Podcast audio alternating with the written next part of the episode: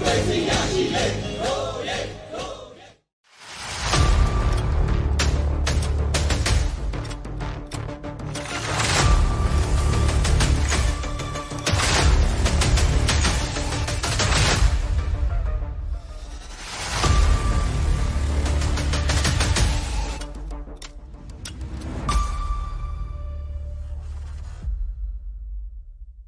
ဒီလိုမျိုးထိခိုက်ဒဏ်ရာဖြစ်နေတဲ့နေရာတွေနဲ့သွားပြီးတော့ကုသမှုပေးခြင်းတဲ့သူတွေအတွက်အာမှားကျင်တာပေါ့နော်အဲအဓိကကျွန်တော်တို့ဒီမိမိကိုယ်ကိုလုံခြုံမှုပေါ့နော်မိမိကိုယ်ကိုလုံခြုံမှုကိုပထမဦးဆုံးဦးစားပေးအနေနဲ့သတ်မှတ်ပါအဲ့ဒါကိုတော့ကျွန်တော်တို့ကတော့အင်္ဂလိပ်လိုဆိုရင်တော့ self safety လို့ခေါ်ပါတယ်အဲ့ဒါဒီနံပါတ်1ပါပဲ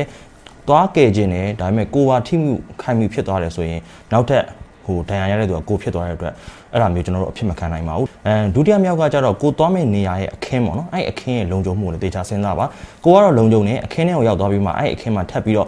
မီလောင်တာပဲဖြစ်ဖြစ်ဘုံပေါက်တာပဲထပ်ဖြစ်မယ်ဆိုရင်ဒဏ်ရာရတဲ့သူတွေပိုပြီးများလာနိုင်ပါတယ်အဲ့ဒါကြောင့်အခင်းဖြစ်တဲ့နေရာကိုလည်းလုံခြုံမှုရှိမရှိဆိုတာကိုတေချာစမ်းသပ်စစ်ဆေးသင့်ပါတယ်เนาะအာနောက်ဆုံးကြတော့မှသာအထက်ကထိခိုက်ဒဏ်ရာရတဲ့သူတွေရဲ့ safety ပေါ့နော်အဲ့ဒီဟာကိုစဉ်းစားပြီးတော့ကုသမှုပေးပေးပါပေါ့နော်